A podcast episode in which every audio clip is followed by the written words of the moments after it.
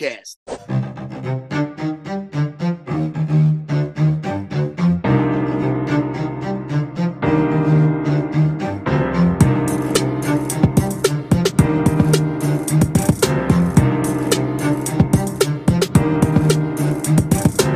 This was his big mistake. fight for Georgia. დაუბრუნდით fight hopper-ები რომეო 50 ცენტერაძე ნოსტალ გიორგი სართანია 128 ეპიზოდზე. კლავ თქვენთან ვართ. დღევანდელი თემები იქნება ძირითადად UFC 294-ზე შეიქაპ იყო ისეთი გამოვიდა ჩარლზ ორივერა და შევიდა ვოლკანოვსკი ვისაუბრებთ ილია თოფურიაზე ეხლა თუ რა უნდა იყოს შემდეგი. მე ხამზაცაც შეეცვალა ოპონენტი პავლო კოსტა გამოვარდა შევიდა კამარო უსმენი დოლიძემ ხელი აწია მზად იყო მაგასაც შევეხებით.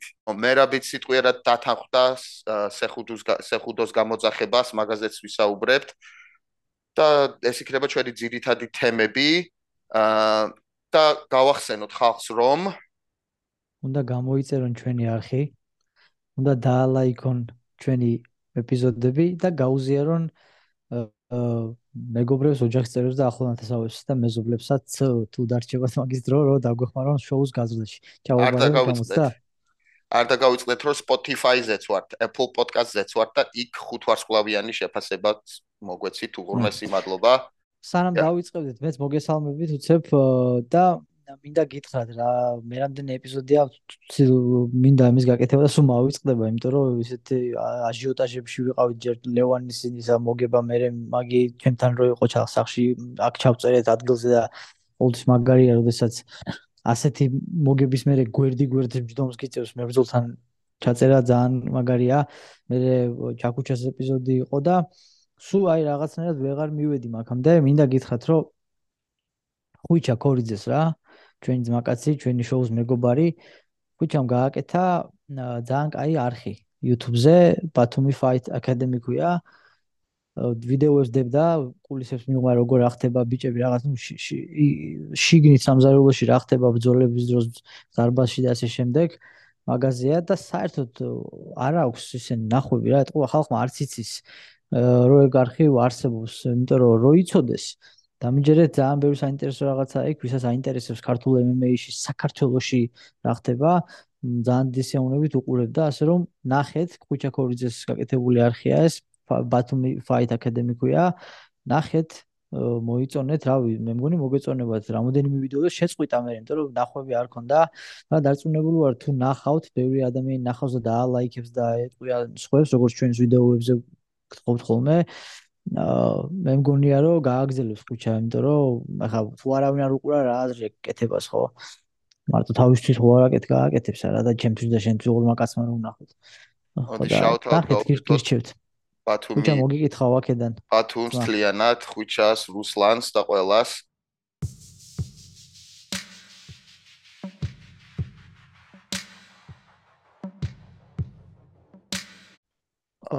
ოქტაგონზე ჩვენმა ორმა მებრძოლმა ბენო ადამიან და ამირან გოგოლაძე მოიპოვეს დამაჯერებელი გამარჯვებები და ულოცავ ორივეს. იმედი მაქვს რომ უახლოეს მომავალში გვექნება შანსი ვესაუბროთ კიდევ. და თუ ნანახი ეპიზოდები ორივესთან გვაქვს ჩანაწერ ჩაწერილი ბენოსთანაც და ამირანთანაც და კიდევ ერთხელ გილოცავთ მგლებო. ასევე აღნიშნოთ მათესანიკიძე ზონა შეიცვალა, უფრო დაბალ ზონაში გადავიდა. მიხედავთ რომ ჩემპიონი იყო თავის ზონაში. ანუ სამოიჩი ჩადის ხო 125-ში? კი, 61 კილოგრამში, არ ვიცი არ ვიცი რატო გადაწყვეტა, ალბათ აინტერესებს. შეიძლება ორი კამარის მოგება უნდა სანამ თქვათ წყალებში UFC-ში გადავა ვნახოთ. აა თქვა უნდა ენოზე მინდა თქვა კიდე. ბენო ჩავიდა რა 125-ში ჩავიდა და მათე ჩავიდა 135-ში და არანაირი ის არ იქნება რა ანუ ჩემპიონები გვეყოლება ორივე კატეგორიაში რა. ნუ ნუ ახლა ბენომ პირველივე ბრძოლაში ძალიან სერიოზულ მებრძოლებს მოუგო რა, ძალიან ყოფილი UFC-ის ვეტერანი. აა და მე მგონი მერავთან აქ ნაბრძოლი ხო მაგ ბიჭს? კი, short notice-ზე. იყო შესული. ხო და ეგრევე სერიოზულ მოწინააღმდეგეს მოუგო და კარგად დაიწყო და წარმატებებს შორის ამირანს რაც შეეხება იმედია მეორე ტური ამერიკაში უკვე წარმატებული გამოდგება. ეს მიიყვანს მეორე ტურამდე და მეორე ჩამოსვლა ამერიკაში უკვე მაგის აქ პერმანენტულ დარჩენას გამოიწვევს, ანუ როგორც მებრძოლი, როგორც კონტრაქტორი რა.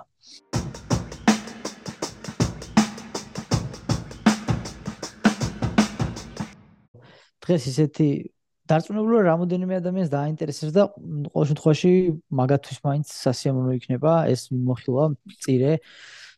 ესე იგი, ოღონდ რა სიტყვის ქართულს იმოშვები რა, რომ ნაკლებმა ხალხმა გაგულოს. და ქართული იცი ძმა? კი, შეგაგინო? მარტო გინება ვიცი. ასე იგი, ბარბოსა არის დგება, ესე იგი, ამდენი წელი რო უყურებ ბრძოლებს, დგება ზოგჯერ მომენტები ამა თუ იმ ბრძოლის კარიერაში, როდესაც მაგის ბრძოლას უყურებ, რაღაც უკვე დასკვნით ეტაპზე რო არის თავისი კარიერის, ხო? დგება მომენტები მქონია მე ეგეთი მომენტები, აი რო უყურებ ამ ადამიანის მე-20 30-ე ბრძოლას უკვე UFC-ს რიგებში და აი უკვე აა ცრემლები მადგება თვალებზე და ეს ცრემლი არის მიქსი ბევრი რაღაცის იმისი რომ ვაფასებ რამე როგორი მეომარი იყო იმისი რომ ხედავ რომ უკვე ძველებურად არ შეუულია მაგრამ თელი გულით ცდილობს.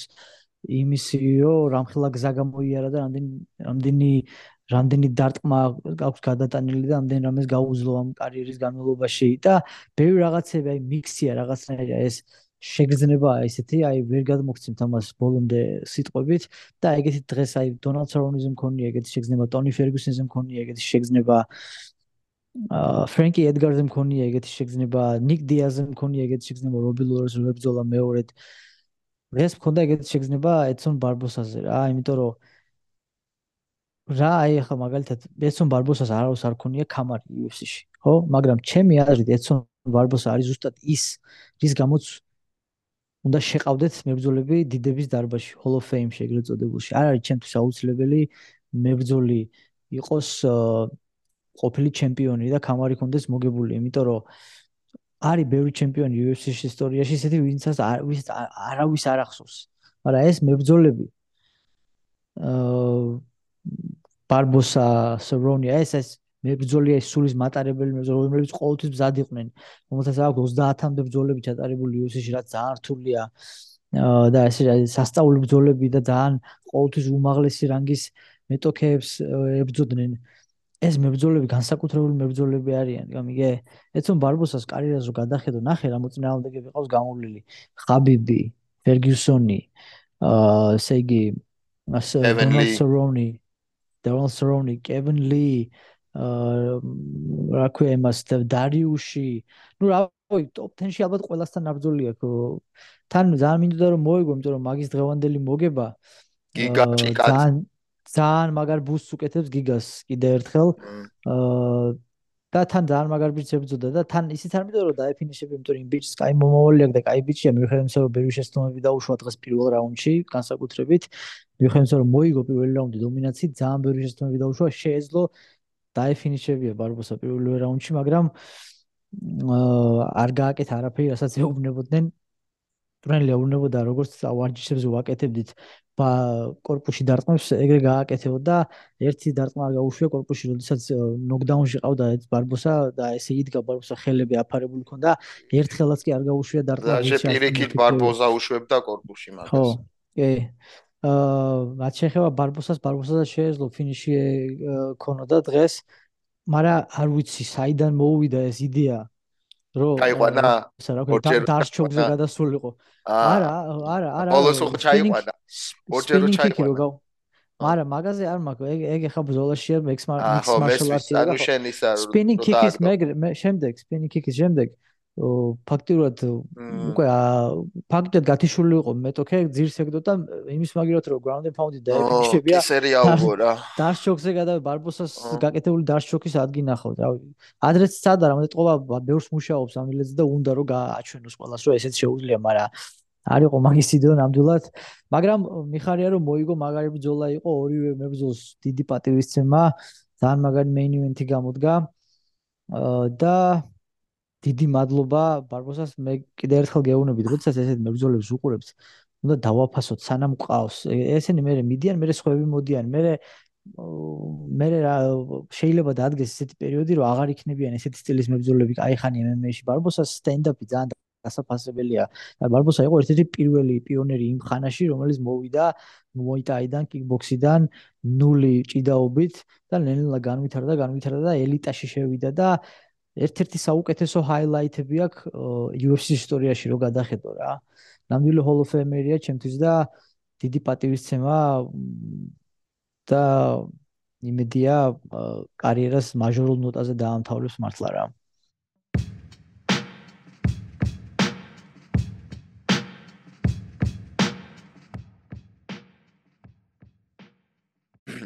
მოდი გადავიდეთ ხა UFC 294-ზე. მოდი ესეთ კითხვას დაგისვამ. ეთანხმები თუ არა რომ აი ხა ეს ორი ოპონენტი თავარი ბრძოლის და კომეინ ევენთის რო შეიცვალა ანუ ჩალზ ოლივერას მაგიურად რო ვოლკანოვსკი შევიდა და პავლო კოსტას მაგიურად რო კამარუ უზმენი შევიდა ეს უფრო დიდი კარტი გამოდის ახლა შენი აზრით ანუ უფრო მაგარი ბრძოლები გამოდის აა ესე იგი რა ხდება აა აქ პრინციპში, ხო, ჩემი აზრით, პრინციპში არც უფრო ნაკლები გამოდის და არც შეიძლება ძალიან უფრო დიდი. შეიძლება ვოლკანოვსკის შემთხვევაში ცოტა უფრო დიდი გამოდის, იმიტომ რომ და გეტყვით, ეხა ახსნი რატო? იმიტომ კი არა რომ ვოლკანოვსკია, ანუ მარტო მაგიტო არა, ჯერთ იმიტომ რომ ვოლკანოვსკის და მახაჩევს ძალიან ახლო ბრძოლა ჰქონდა წინა, სადაც მაგალითად ოლივერა დააფინიშა მახაჩევმა და უფრო სხვა შეგრძნებები იყო, ყოველას გვეგონა მაინც ასე თუ ისე რომ არ ქონდა დიდი შანსები ოლივერას ვერ მოახდენდა იმდენ შეცვლილებებს, რომ ასე ამ დროში გადაეწონა ეს ყველაფერი. თუმცა ვინ იცის, ხო? მაგრამ ეხლა რა ხდება ვოლკანოვსკის შემთხვევაში? ვოლკანოვსკი შედის ამ ბრძოლაში უკვე როგორ იცი? ვოლკანოვსკი შედის ამ ბრძოლაში დარწმუნებული ვარ, რომ უკვე წამოწდა და იმიტომ ვიძახი ამაში დარწმუნებული, იმიტომ ვარ თლად ხუთი რაუნდის კარდიო მაგას არ იქნება ახლა. ვერ იქნებოდა მზად ეგრე. კი ვიცი რომ სულ დარბაშია დისციპლინას იცავს, ვარჯიშობს, მაგრამ შანსი არა ახლა მაგას რომ ხუთი რაუნდის განძლეობა კონდეს რა. ისე დონეზე როგორც מחაჩევს აქვს. ამიტომ მაგას ახლა არ აწყობს. ხუთი რაუნდიანი ბრძოლა. კი შეიძლება მაინც წავიდეს ხუთ რაუნდის ბრძოლა და ეს დაიღალოს და გაუძლოს, ანუ ვერ გაუძლოს, კაცმა არ იცის. მაგრამ ჩემი აზრით ტაქტიკა ამჯერად ვულკანოსის იქნება ეგრევე ბრძოლის ქაოსში გადასდა სწრაფად. იმიტომ და მოძებნის ფინიშს ეგრევე ადრეულ ადრეულ რაუნდებში, რაც უფრო მეტ გარანტიას გვაძლევს იმისა, რომ სანახაობრივი ბრძოლა იქნება რა. მე ასე ვფიქრობ. ამიტომ ამ კუთხით თუ შევხედავთ, უფრო მაგარი არის ის, რომ מחაჩევი ვულკანოვსკის ბრძოლება ისეთ სცენარი დატრიალდა.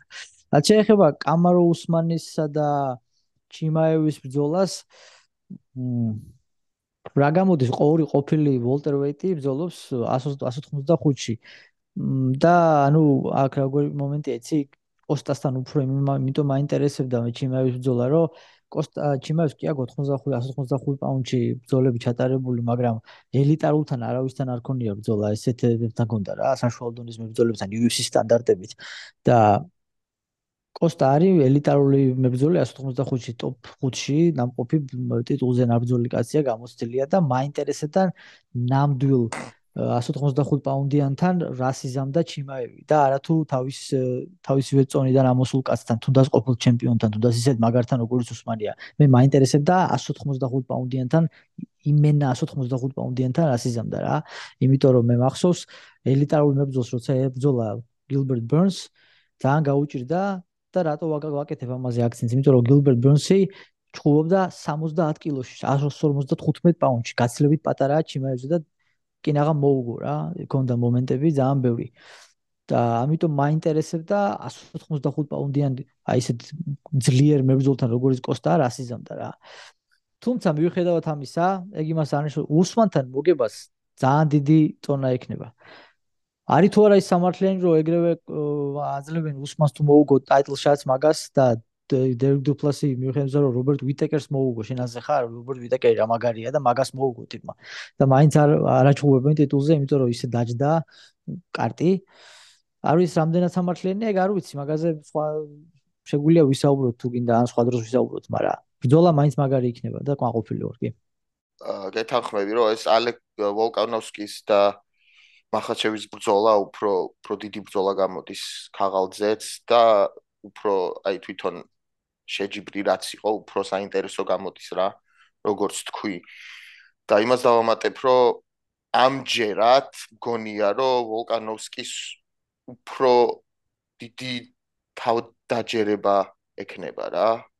იმიტომ რომ უკვე გამოცდილი აქვს მახაჩევთან რო იყო შესული მახაჩევი იყო ყველაზე ისეთი ბუგიმენი რო ეძახიან როგორ არის ქართულად? აი ბუგიმენ არავის რო არ უნდა მაგასთან ბრძოლა ყოველას რო ყველა რო ერიდება თავი თუ თავიდან ეგრე იყო რა და თავიდან რო შევიდა აი ყველა ყველას ყავდა ვოლკანოვსკი გამორიცხული რა რო ვერ მოუგებდა რა.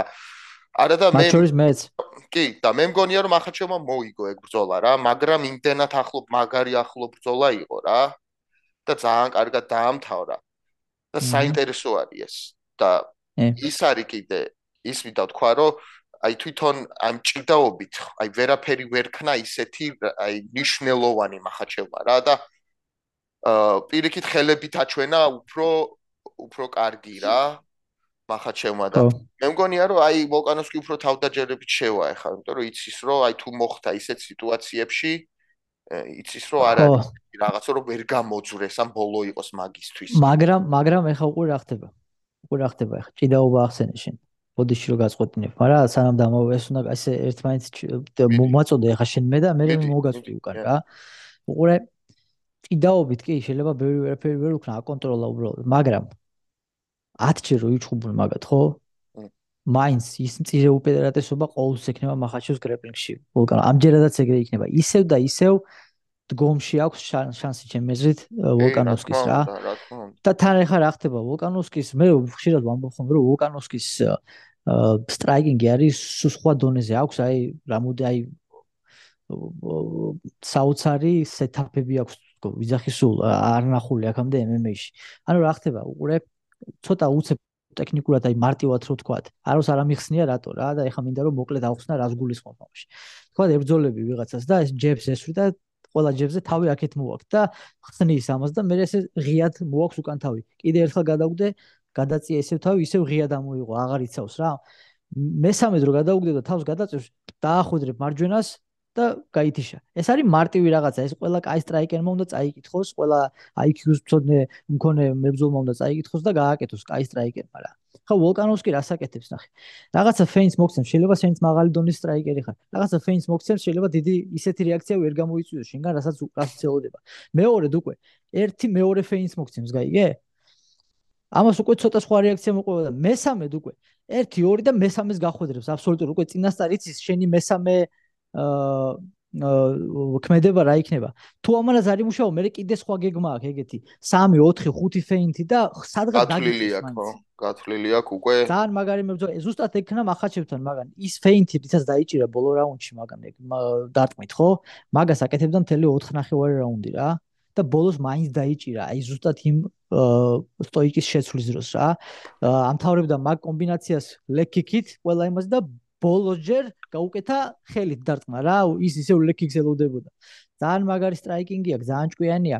ამიტომაც მინდოდა მე რომ ილიას კიდე ერთხელ ებძოლა ჯერ მაქსთან რომ ის გამოცდილება კიდე მიეღო და უფრო მაგრა შესულიყო.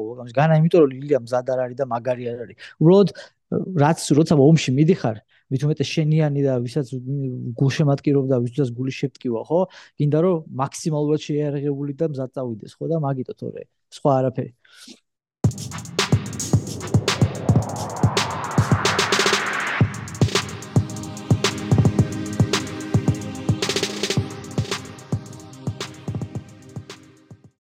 და მე გეტყვი რომ აი პირადად მე მირჩევნო მირჩევნია მერჩია რომ ენახა ხამზატი კოსტა რა. პირადად მე მერჩია ბრძოლის ნახვა ვიდრე უსმანი რა. რატომ? არა მარტო თვითონ გალიაში რაც ხდებოდა მაგრამ აი ამორის ხო ხო იცი ამორს რაც ტრეშტოკი ხო ლანძღვაგინევა და ისა რა ქვია საკონლის ხორცი ბიფ ხო? საკონლის ხორცი UFC UFC PI-ში ხო გახსოვს რე ვიტყვი. აი ხო, მე კი არ მეტიჩრობ და რაღაცა, მაგრამ ჩემთვის მაგალითად არ ვიცი, არა არა აქვს რაღაცა მაგას, აი ისეთი აი არ ვკაიფობ, ვერ ვკაიფობ ეგეთ რაღაცებს და მომკალით უგინდა რა. აი ერთი სულ მაგ საინტერესო არის რა, რო ხდება რაღაც ისეთი გარეთ რა, რო ვიდრე რაღაც უფრო საინტერესო და ეკიდი ზუსტად რა, მაგიტო არის ეს ბიზნესი ეგრე. და და ისიც ვიდა თქვა, რომ ეხა რო აიღო უსმანის ბოლო ბრძოლა, ხო და რო აიღო ხამზატის ბოლო ბრძოლები რომელიც არ გინდა იყოს მეც აი ვერ ხედავ დიდ შანსს რა უზმანის. აი მარტო აი რო იძახიო რომ შენ ხარ შენი ბოლო ბრძოლა ხო? აი მარტო მაგიტომ რა შენ ხარ შენი ბოლო ბრძოლა. შემახსენე უსმანმა ბოლო ვისთან ბრძოლა? ბიჭო ლეონ ედვორდთან აა ხო რო წააგო რევანში და პირველი ბრძოლა მე უბრალოდ მეორე ბრძოლა ანუ პირველი ტიტული ტიტულის ბრძოლა რა ის headshot bang ხო? ეგ იყო მაგარი დომინაცია უსმანისთვის რა სანამ დაიჭერდა ლიონედორცი ხო? აი ეგ მაგარი იყო ძალიან და მაგრამ მე აი მესამე თრო იბრძოლეს უსმანის ძალები ვერ ვნახე რა. დაჟე ჭიდაობითაც ვერ ვერ ქნა ვერაფერი ისეთი რომ რაღაც გიო ესეთი ნოკაუტი როგორ გინდა რომ წარმოიგინო რა. თავარი არის როგორი მენტალური მზად ყოფნაში გამოვა, როგორი მენტალურად მზად გამოვა რა, იმიტომ რომ ესეთი ნოკაუტის შემდეგ ძალიან რთულია რეკუპერაცია გააკეთო, გადაეწყო ისევ, გახდე ის ადამიანი, რომელიც აქამდე იყავი, ძალიან ძალიან რთულია რა. ეგ იგივე არის ფეხბურთელი რო ხარ და ფეხი რო მოიტეხო, მუხლი რო გაიწყვიტო და რო გამოდიხარ თავიდან გეშინია სწრაფად სირბილის მაგ ძლიერი დარტყმის და ესე შემდეგ, ხო?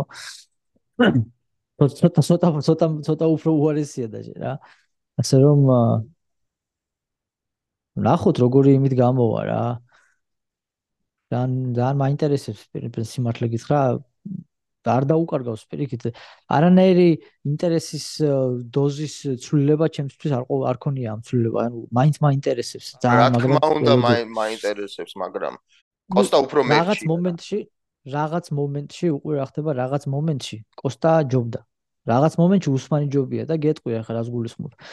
კოსტას შემთხვევაში ვიცით რომ კოსტა დადგებოდა და საჩხუბრად გამოვიდოდა რა. იქ არ იქნებოდა არანაირი MMA, იქ იქნებოდა დარტყმები მარტო რა. უსმანის შემთხვევაში გვაქვს უფრო საინტერესო, უფრო მრავალ საინტერესო რა იმ ხრივ რომ უფრო მრავალფეროვანი მებრძოლია. ძალიან მაგარი მოჭიდავია, ხამზატი ძალიან კაი მოჭიდავია და საინტერესოა თქვა ხამზატი თუ აჯობებს, თქვა თუ აჯობა ეგრევე თავიდანვე დგომში უსმანს თუ გადაიყვანს ხამზაც პარტერში მე უსმანი. ან თუ შეეცდება მაინც ჩვენ არ ვზარგუნახავს ხამზანი გადაყვანილ გადაყვანილ რა. მაგრამ ლეონ ერდორძმა ჩაიყვანა თო კამარუ უსმენი ხო ისევ და ისევ. ხამზატი ვერ ჩაიყვანს ეს ისევ და ისევ ისევ და ისევ ეს არის თავდაჯერებულობის არ ქონა იყო მაგ ბრძოლაში და მე ყოველთვის ვიძახი შენ გახსოვს ალბათ არ ვიცი არაოს არ უნდა აიღო რევანში ეგრევე. არა ეგ არის ყოველთვის ცუდი იდეა. უმეტეს შემთხვევაში არის ძალიან ცუდი იდეა. იმიტომ რომ არ ხარ შენ მაგ დროს ფსიქოლოგიურად ზად. თორე უსმანი კობი კაუნგტონმაც ვერ ჩაიყვანა. აბსოლუტურად ვერც კი მიეკარა თეძომდე ვერც კი მივიდა და კაუნგტონი გაცლებით უფრო მაგარი მოჭიდავია ვიდრე ედუარდსიც და შეიძლება ხამზატიც რაღაც პონჩი შეიძლება. ასე რომ მაგაზე არ არის ეგ. აქ თავარი არის როგორი იმით გამოვა. თუ დაივიწყა ის რაც მოხდა მაშინ სხვა თემა თუ ისევ ის აქვს ჩარჩენილი თავში და არ არის ფსიქოლოგიურად მზად? ანუ შენ რას ფიქრობ, რომ ეს მარტო ფსიქოლოგიური რამ არის და ის არა რომ უკვე ავიდა იმ დონეზე და აღარ შეუძლია უკვე მის ტანს და ის თავის შესაძლებლობა აღარ აქვს ის რაც შეეძლო. აი ეგ ტაირონული რა, როცა წააგო, მე სულ წააგო და მორჩა რა მაგის მოგების სერიები რა და ეგ ვარიანტი არის თუ უფრო ფსიქოლოგიური, ეგ არის საინტერესო რა. შეიძლება ფსიქოლოგიური იყოს. არა, ტანი როდის გიმტყუნებს, ტანი ტანი რა თქმა უნდა, ტანი როდის გიმტყუნებს ფიზიკა, მაგ არავინ არ იცის გამიგე? მაგრამ სანამ შენ ფიზიკა გიმტყუნებს და ჯერ რუსმანს არ ეტყობა რომ ფიზიკა უმტყუნა პირიქით ძალიან კაი ფორმაშია აა მანამდე სანამ შენ შენი სხეული მოყვება და გემორჩილება და სანამ მა father time არ დაგეწევა ხო როგორც ამერიკელები ამბობენ შვაბძოლაში აა სიბერიაში შვაში ხო შვა შვაბძოლაში სიბერე სანამ არ მოგიკაკუნებს და დროა უკვე გეტყვის ხო შვაბძოლაში ხდება ეგ ყოველთვის სიბერე რომ მოგიკაკუნებს და გეტყვის და დროა უკვე რა. მორჩა ბრატო გეტყვის რა. რაღაც აკეთებო რა შენი სხეული გეონე ხო არ აფრენო რა დავიღალეთ. მაგრამ სანამ ეგ მოხდება მანამდე ბძოლა არის 90% მენტალური 10% ფიზიკური. ესეა.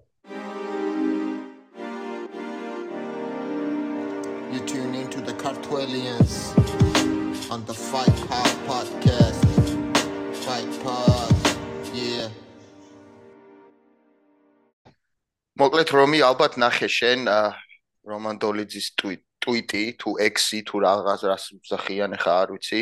მე მოусმინე აბდულ აზიზის ინტერვიუს და აზიზმა ახსენა რომ რომანს უნდა დაო შემოსვლაო რა. კოსტას მაგივრათო რა.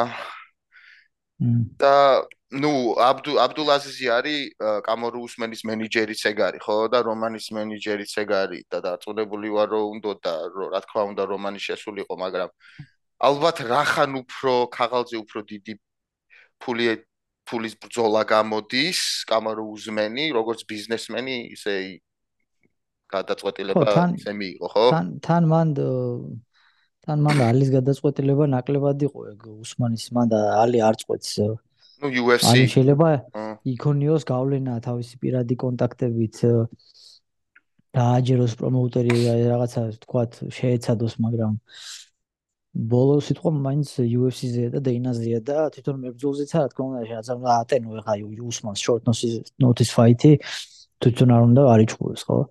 და რა თქმა უნდა პრივილეგია და პირველი არჩევანი ყოველთვის ეგეთ ხალხზე მიდგება რა თქმა უნდა. პროდიდი სახელს ყოფილ ჩემპიონს რა თქმა უნდა. და თვითონ რას ფიქრობ იმაზე რომ აი ეხა რაც ხდება რომ ალექსანდრ ვორკანოვსკის აქ დანიშნული ბრძოლა იანვარში და ეხა აიღო კიდე ერთი ბრძოლა. რომანიც იგივეს აკეთებდა იგივე უნდა და მაინც აპირებდა ბრძოლას ანუ დეკემბერში და ეს ეს ბრძოლაც უნდა და რა.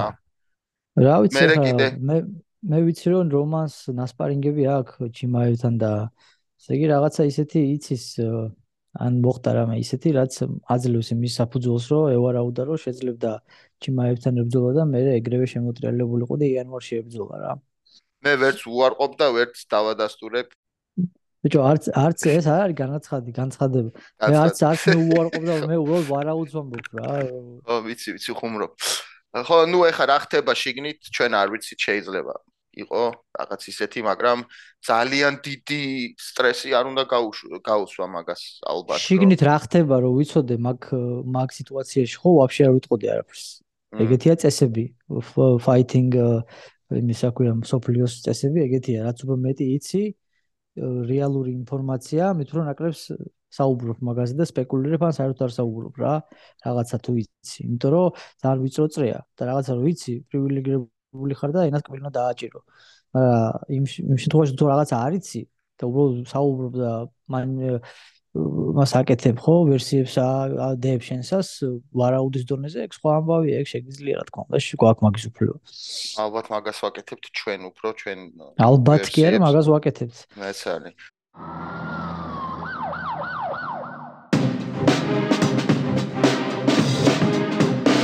მოდი გადავიდეთ რა ეხა ანუ მე რასაც ველოდებოდი არის ჩვენიანებზე საუბარს რა თქმა უნდა და შენი აზრით აი ილია ეხა რა სიტუაციაში აღმოჩნდა? რამდენად არის შანსი კიდე რომ ვოლკანოვსკი მაინც დაბრუნდეს იანვარში? თუ პრო გადაიხრები მაქს ჰოლოვეისთან დროებით კამარზე ბრძოლას? ნუ ეს ისე და ისე უკიდან გამომდინარეა რამდენად წინასწარ შეგიძლია ვთქვათ ამ პამბძოლის შედეგის გამოცნობა რა. ამიტომ ფაქტიურად ერთი მეორის გარშე არ არსებობს აქ რა. თუ ვთქვათ მე ვიტყვი რომ ჩემი აზრით ეს ბძოლა მალე დამთავრდება და ის დააფინიშებს ვოლკანოვსკი ჩიმაევს. ანუ ამით იმასაც ვამბობ რომ მე ლიასთანაც შემოbrunდება და იბძოლებს ეგრევე იანორს ვოლკანოვსკი ჩიმაევს? ვოლკანოვსკი მახაჩი კი არა და მახაჩის კოდში ანუ ამით იმას ვამბობ რომ ილიასთანაც იბძოლებს ხო ფაქტიურად იმიტომ რომ რა რა დაუშლის აა მაგრამ თუ ვიტყვი რომ აა ესეთი ბრძოლა იქნება ძიმე და ეს არას უფრო სავარაუდოა პირველ ბრძოლიდან გამომდინარე მაშინ ნაკლები შანსია მაგისი რა. ამიტომ მე მაინც მეორე ვერსიაზე დავრჩები იმიტომ რომ მე ხა მახაჩევს ეჭუბება ხო მახაჩევს ებძოლება სოფლიოში ერთ-ერთ საუკეთესო მებძოლს 70 კილოში საუკეთესოს და ჩემი აზრით ხაბიბის კემპში ზოგადად საუკეთესო მებძოლია მახაჩევი რა არც ერთი ნურ მაგამედოვი არ არის ესეთი მაგარი როგორც მახაჩევია ჩემი აზრით აა ასე რომ სხვა რაც არ უნდა მოხდეს, ჩვენთვის ცუდი არაფერი არ მოხდება მაინც. ეგ ამ თავარია. ეგ უნდა გავაანალიზოთ. იმიტომ რომ მაქსთან ბრძოლა, რა თქმა უნდა, ლოკალოსკენ ბრძოლა კარგია, იმიტომ რომ პირველი ქართველი ბრძოლებს კამარზე და ასე შემდეგ და ასე შემდეგ და მაგარია ისტორია და გასაგებია. აა მაქსთან ბრძოლა კიდე უფრო მაგარია, იმიტომ რომ მაქსთან მოგებული დროებითი კამრით, დროებითი ბჭყალებში მე მაინც ჩემთვის ეგ მაინც სოფლიო ჩემპიონია. თუ კამარს აწერია სოფლიო ჩემპიონი, იქ მეორე სიტყვა არის ინტერამ დროებითი თუ რაც არის, ხო, მაგას აღარ აღნიშნულობ. ეს სოფლიო ჩემპიონს ხდის ეგ. როცა შენს კამარს აწერია სოფლიო ჩემპიონი, interim world champion. world champion, ხო? ესე იგი world champion ხარ რა. ასე რომ მაგას მოვეშვათ, რომ ეს ნაკლებია არა. ჩემთვის იგივე წონა აქვს, მაგას ვამბობდი, არა მარტო კარლოს კონდიტმა რომ მოიგო კამარი მაშინაც მაგას ვამბობდი და სხვებმაც ყოველთვის მაგას ვამბობ. კამარს აწერია World Champion, ესე იგი ხარ World Champion. შეო, მორჩა ბაზარი. ჩემთვის ეგრეა. ხო. და ანუ მაინც ძალიანობაში ჩვენთვის ცუდი არაფერი არ ხდება. იმიტომ რომ კიდე ერთხელ გეუბნები მაქსთან მიღებული გამოცდილება ილიასთვის იქნება ფას დაუდებელი. ფას დაუდებელი იქნება. გამიგე? ხო და ამიტომ ჩვენ ყველა ვარიანტში მოგებულები ვართ რა. იმ შემთხვევაში თუ ილია იბრძოლებს კამარზე, ეს იქნება ვოლკანოვსკისთან თუ მაქსთან დროებით კამარზე, ჩვენ ყველა შემთხვევაში მოგებულები ვართ. ეს ამ თავარი აქვს. ილია მაგარი ჯიგარია რა, ტვიტი რო დაუწერა იმას ვოლკანოვსკის ვიდეო. შეს შენ შესკენ ვარ გათიშეის და მე ჩამოდი მე გაგთიშაო. თუ რაღაც დაახლოებით ეგეთი რაღაც უთხრა რა. აი ეს მაგ ტვიტის გამო ჩემასთან რა ქვია დაღესტანელებთან ომი არ მოუწევს კიდე პედის პედისნაირად რა ნახოთ. აა ბიჭო ჩაკუჩაზე რო თქვი რომ თუ ვინმე შეუძლიაო მაგას აქში დაბრუნებაო ჩაკუჩას შეუძლიაო იმდენად ჯანიანი და ღონიანი ადამიანი არის. მე ვფიქრობ რომ თუ ვინმე სამთვეში შეუძლია შემოტრიალება და დაბრუნება ვოლკანოვსკი არის ეგ მასტი ზუსტად. ნუ რა თქმა უნდა ეხა არ ვიცი ბრძოლა როგორ იქნება და შეიძლება ვაფშე ისმის სცენა ქვია რაღაც ისეთი რამე მოხდეს, რომ ექვს თვიანი საერთოდ ხო იცი, ანუ რაღაც აა დაზიანება მიიღოს. დაზიანება მიიღოს, რომ აუგრძალონ საერთოდ ვარჯიშიც და შესვლაც, მაგრამ აა ეხა prediction, ანუ რა მოხდება მაგაზე არ საუბრობ ჯერჯერობით რა.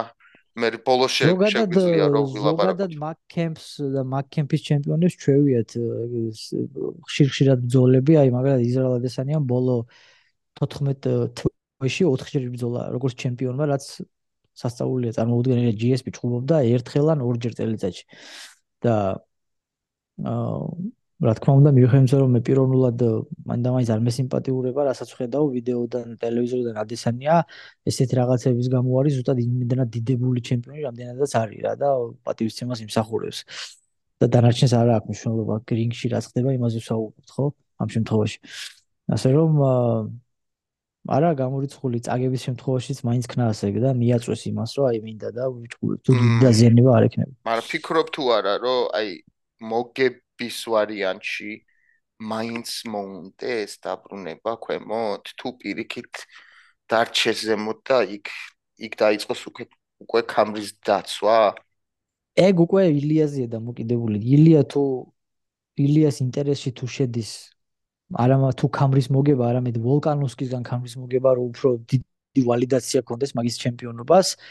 მაშინ უნდა ქნას რამე ისეთი და თქვას ისეთი, რაც გააღიზიანებს ვოლკანოვსკის და მაგას კარგად აკეთებს ილია სხვათა შორის ვოლკმა ახსენა რომ საუბრობსო მიდი გააგზელეო საუბარიო პირიქით უფრო ინტერესი ინტერესი მე მემატებაო რა და ხო მაგრამ ეგ ეგ იძახის გართობის და ხუმრობის დონეზე ნახე რად გამიგე და მაგარ რო აიძულოს ახლა მახაჩევისთან ბრძოლა მოგებული ქამრის მერე მაგი რო ჩამოვიდეს და ისევ ამ ქამარზე იბრძოლოს და დაიცვას ილიასთან ხო?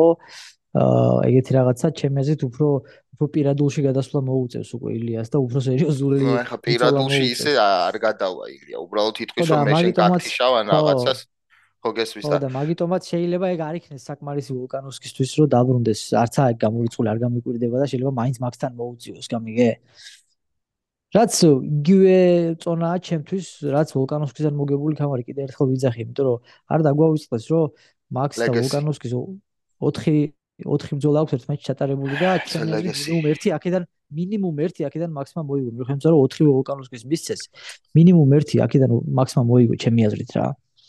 ამ თაობის საუკეთესო მებრძოლები არიან ორივე რა აი თავიან თაობის და ილიას თვის კამრის აღება მაგადგან იქნება ძალიან დიდი ლეგასი რა pound for pound. pound for pound რაღაცა იქნება. მისთვის.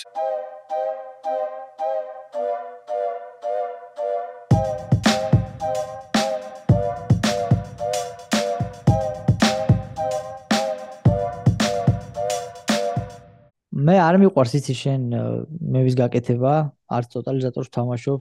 მეც. აა და ასე შემდეგ არც შენ ვიცი.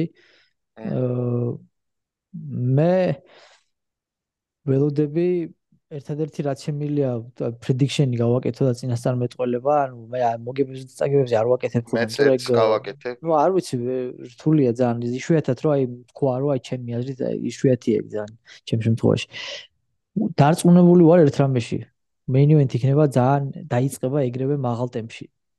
ჩემი აზრით რა. და არ იქნება ძალიან სანახაობრივი იქნება თავიდანვე და ეს იქნება ვულკანოვსკისგან გამოწვეული.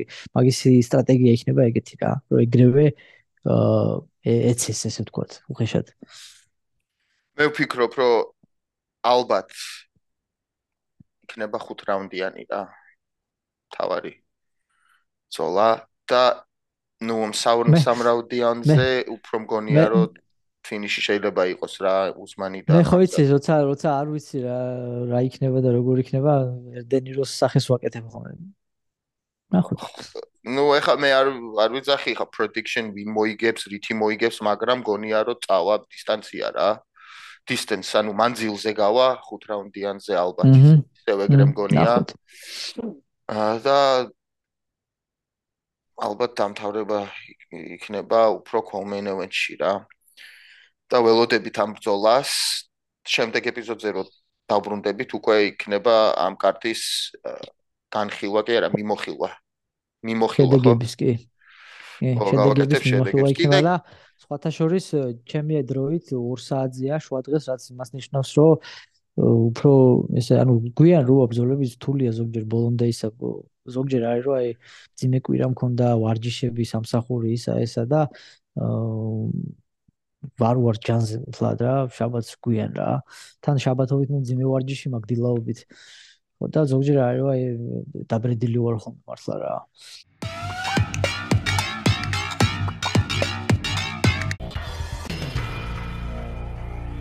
ბიჭო კაი, მოდი ახლა ბოლო თემაზე გადავიდეთ. მოკლედ, კრიტიკები მერაბზე, რომ ჩხუბი არ უნდა და არ ეჩხუბება ალჯოს, არ ეჩხუბება სეხუდოს და ბოლოს აღმოჩნდა, რომ მერაბი თვითონ თქვა, რომ არ იყო შემოთავაზებაო და არასდროსო და როგორ უნდა ვეჩხუბო, რა კონტრაქტიც არ იყო, არც ლაპარაკიო, არც შემოთავაზებაო, Ariel Halwani-ზე იყო. არა, ჯერ Ariel Halwani-ზე იყო. ჰალვანის შოუზე MMA hours-ზე იყო მისული. არა, ანუ შეხუდოზე თქვა. ალჯოუზე თქვა, ალჯოუზე, რომ შემოთხოვება არ ყოფილი არ ყოფილაო და რამე ისეთი დიდი ფული რო ყოფილიყო, ჩვენ დავილაპარაკეთო, არ გამორიცხა. და მე ეს ჰერვი შეხუდომ გააკეთა ვიდეო, რომ შენო ყველას დაავიწყდებიო, ეგრე როზი ხარ თუ არ გინდა ბრძოლაო და თუ ჭკვიანი ხარ ეს ბრძოლა ჩემთან უნდა აიღო ეს ბრძოლაო და როგორ ავიღო ეს ბრძოლა მე რა ვიუნება, არაფერი კონტრაქტი არ იყო და ხო. ანუ ისევ და ისევ გიო ყურე რასაც ვამბობ ხოლმე. UFC-ს პროპაგანდა მანქანას ვერ ვერ მოუგებ გაიგე ვერ მოუგებ. Dana White Dana White-თან ძალიან ბევრი სოფლიო ჩემპიონის ქონია შეჯახება. საინფორმაციო ომში რა. და ყველა ბოლოს გამოდის და ამბობს რომ იმდენად დამღლელიაო რომ საკუთარ თავს ინადგურებ ამითიო რა. გამიგე? რაშა დევანსი გამოვიდა და თქვა, იმენა დამღალავ მენტალურად და ფიზიკურად დეინასთან რომაო, ხო? ყველაფერი ვინანეო რა ბოლოს. იმიტომ რომ ძალიან რთულია მაშინ ძალიან გაცვლილად და სწორად უნდა ებრძოლო, ან ვაფშე არ უნდა ებრძოლო რა და უბრალოდ ის უნდა ქნა რომ რაღაცა გამოგრჩეს შენ შენთვის კარგი. თორე ვერ მოუგებ. ხო ხედავ როგორი პროპაგანდა აქვს რა? არც კი შეუთავაზებიათ ბრძოლა, მაგრამ ისეთი ამინდი დააყენეს, რომ თითქოს მერაბი არ ებრძოლებოდა ალჯუს. ხდები? ამას ვიზახი რამდენჯერ მithkoms ეგეთი რაღაცა. ბიჭო, მაგრამ ისიც არის რა, რომი, რა მოდი რა, ორივე მხრიდან შევხედოთ რა რეალურად. ისიც არის, რომ რომელი რომელი ბრძოლა იყო, რომ გამოვიდა მერაბი მიკროფონით თვითონ.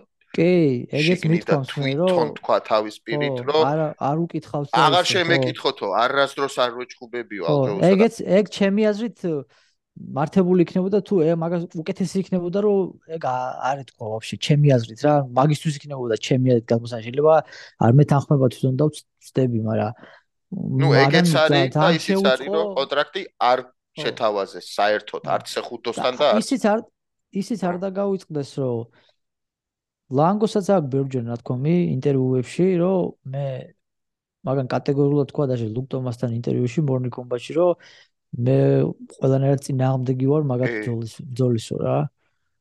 კი. ხო და მმ ნუ რა ვიცი რა რთული სიტუაციაა ჩახლართული ხარ რა. სხვანაირი ის არის ოჯახური სიტუაცია არის უფრო პატარა ჯიმარი და სხვანაირი არის რა. მოგესმის. შენ შენ ყველაზე კარგად შენ იცი. ძალიან ეგ სიტუაციაც ძალიან რთულია, იმიტომ რომ საერთოდ ისტორიაში ლონგოს ჯიმიდან თუ ყოფილა ესეთი დაჯახება რა. არა, რა ხდება, რას რას ვიძახი, მაგას თავიდანებოდ ყველაზე წაგებული ამ წუთას მაინც მერაბიჩება რა. იმიტომ რომ ალჯი ჩემპიონი იყო დიდი ხანი. სეხუდო ჩემპიონი იყო, მე მერაბის ნაცვლად მაგან მიიღო ალჯოსთან ბრძოლა, ხო? მე მაგის დროს, ანუ ლოგიკურად სხვა რო ყოფილიყო ალჯოსთან ნაცვლად, ლოგიკურად მერაბს უნდა ებრძოლა პირველი ნომერი იყო რამდენი ხანი. ანუ მე ომაილი მიიღო, ყველა მიიღო შანსი ამის გარდა რა. ბიჭო, მე მე და ეხა, ეხაც ისევ ყველაზე რთულ მეტოქეს ახვედრებენ ტოპ 5-ში რაც კი შეიძლებოდა რა. ბიჭო, მე არ მინდა დამავიწყდეს, ეხა მინდა ვახსენო რა. მოკლედ ალჯემეინ სტერლინგი საუბრობდა ასვლაზე რა და ინტერესი ქონდა ჰოლუეისთან ბრძოლას. რა და ეხლა კიდე მაგის გამო ილიას არ ამგონია რა მე ხელი შეეშალოს. ილია არის გარანტირებული რა ილია იქნება შემდეგი გინდა ვოლკთან იყოს გინდა ვინც არ უნდა იყოს ინტერიმ კამარზე და მაგარი კარტა იქნება თუ მერაბი და სეხუდო და ილია მეინ ევენთი და კომეინი იყო იანვარში იქნება ერთ-ერთი ყველაზე მაგარი კარტა ჩვენთვის რა თავარი და კომეინი წარმოიდგინე წარმოი. კი, აი, აი რო ვიძახით UFC ჯორჯია გვინდაო, ხო? რეალურად ეხა ჯერჯერობით ჩვენ მაგისთვის მზად არ ვართ სამწუხაროდ, რამდენადაც მინდა არ ვართ. მაგრამ აი ესეთი რაღაცა იქნება ძალიან ახლო მისული და გადადგმული წინ შემდეგი ნაბიჯი. მაქამდე. ჩვენ ჩვენ გვიყვარს ქართველებს და მეც ისეთი ქართველი ვარ, როგორც ყველა თქვენთანგანი ვინც გვიყურებთ, ეჭვი არ შეგეყაროთ, მაგაში ვინც რაღაცა უნდა დაწეროს კომენტარებში, ხო? ჩვენ გვიყვარს ქართველებს გადახტომა რაღაცეებზე. სამწუხაროდ მეც მიყვარს, შენც გიყვარს, შენც მაურო მიყურებ, შენც და ყველას გიყვარს, ეგრე ვართ. მაგრამ აი ეს ნაბიჯ-ნაბიჯ მისვლა თუ ვისწავლეთ საქმემდე და პროფესიონალიზმის ნელ-ნელა ამაღლებას თუ მივეჩვიეთ, ხო? ჩვენ ვერავინ ვერ გაგვაჩერებს ამ ამ სპორტში. ვერავინ ვერ გაგვაჩერებს სასწაული ნიჭის პატრონი ვართ, ღმერთმა დაგვამადლა ჩვენ ეს მებრძოლის სული. მაგრამ ეს უნდა გაკეთდეს ნაბიჯ-ნაბიჯ. ვერ გადავახტებით. თელს ზღვას. შეიძლება გადაახტე კანაულს შეიძლება გადაახტე ჭას შეიძლება გადაახტე პატარა ორმოს მაგრამ ზღვას და ოკეანეს ვერ გადაახტები. ამიტომ ეს არის ნაბიჯნობის გასაკეთებელი. აი ეგ ძალიან მაგარი იქნება რომ მოხდეს რა. და იანვარს ველოდები მე რა. იანვარი არის ჩვენთვის UFC ჯორჯი არ ვიცი მაგრამ UFC კანადა იქნება ჩვენთვის რაღაცა რა. ხო გესმის რა. ხო. კი ეგ არის რომი რა. მოდი დავახუიოთ, ჩავახუიოთ, კიდევ ერთხელ ხალხს დავახსენოთ, რომ გამოიწეროთ ჩვენი არხი. აა და დაგვეხმარონ გაზდაში, თუ მოგწონთ ჩვენი კონტენტი. აა არ დაივიწყოთ პოდკასტი ვარ და ვარსებობ Spotify-ზე და Apple Podcast-ზე და იქ ხუთვარსკვლავიანი შეფასებაც დაგვიდეთ. უღრმესი მადლობა. და ყოველას ახლებს ვისაც ჩვენი არხის არსებობა არც კი იცოდით აა და ეხა გუნახეთ, ეხა გამოგვიწერეთ და ესე შემდეგ ყოველას მადლობა რომ შემოგვიერთდით ჩვენს პატარა ოჯახს.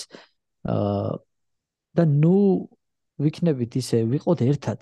ნუ ვიქნებ ჩვენ აქ ეს ლოგიკურად მივყვეთ ხო ჩვენ აქ იმიტომ ვაკეთებთ ამ საქმეს მე და გიო რომ გვიყვარს ჩვენი ქვეყანა და ჩვენი ბიჭები გვიყვარს. ჩვენი მებრძოლების გამოხდება ეს ყველაფერი ქართველების ეს თავარი სიტყვა არის საქართველო ჩვენთვის და ქართველები. რა იგე? ვიღაცა ანუ ეგ არის მთელი მაგის ირგვლივ ტრიალებთ ჩვენ. თორე სხვა мотиваცია ჩვენ მე ამდენი წელი ამ სპორტს უყურებ და ამ სპორტში ვარ და არ გამიკეთებია ეს, იმიტომ რომ არ გქონდა ჩვენ მაგის საფუძველი და ეს როგორც კი მე მომეცა მიზეზი და გიოს მიეცა მიზეზი რომ ეს გაგვიკეთებია და სალაპარაკო გაგვიჩინეს ქართველებმა ჩვენებმა, ხო? ეგრევე არ დავაყოვნეთ, ჩვენ ვიყავით პირველები, მე მგონი ვინც ეს გააკეთა.